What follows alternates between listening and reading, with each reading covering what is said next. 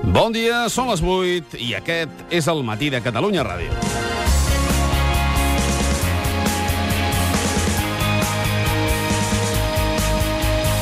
El mateix dia que el govern Rajoy inaugurava amb discreció una nova línia de l'AVE, es tancava un acord per la millora de Rodalies a Catalunya. Un acord que arriba tard, tot i que en depèn el dia a dia de milers de persones de tot el territori.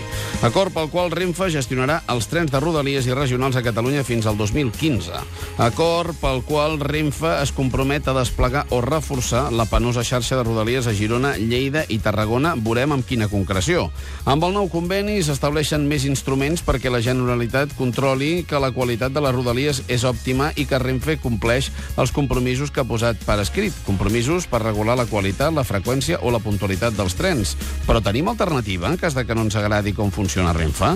De feina no en falta, en una xarxa absolutament desfassada a la qual els usuaris no han tingut cap més remei que adaptar-se.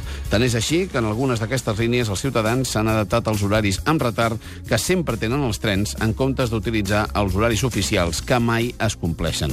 Trens poc puntuals, lents i amb freqüències baixíssimes que els fan poc operatius per la població.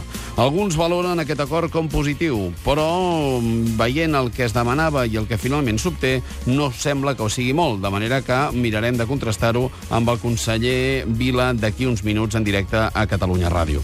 Al contrari que l'AVE, la joia del govern que cobreix amb eficiència horària uns recorreguts poc reclamats pels ciutadans i a un cost inassumible.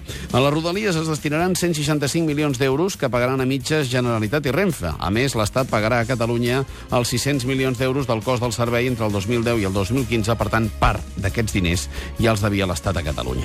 La ministra de Foment, Ana Pastor, se'n congratulava. Dar un buen servicio de cercanías, de rodalías en, en Cataluña. Acuerdos reales basados en eh, presupuestos reales y en cuantías reales. Esto no es el cuento de la lechera, esto es la realidad. Estem renunciant a allò que ens tocava?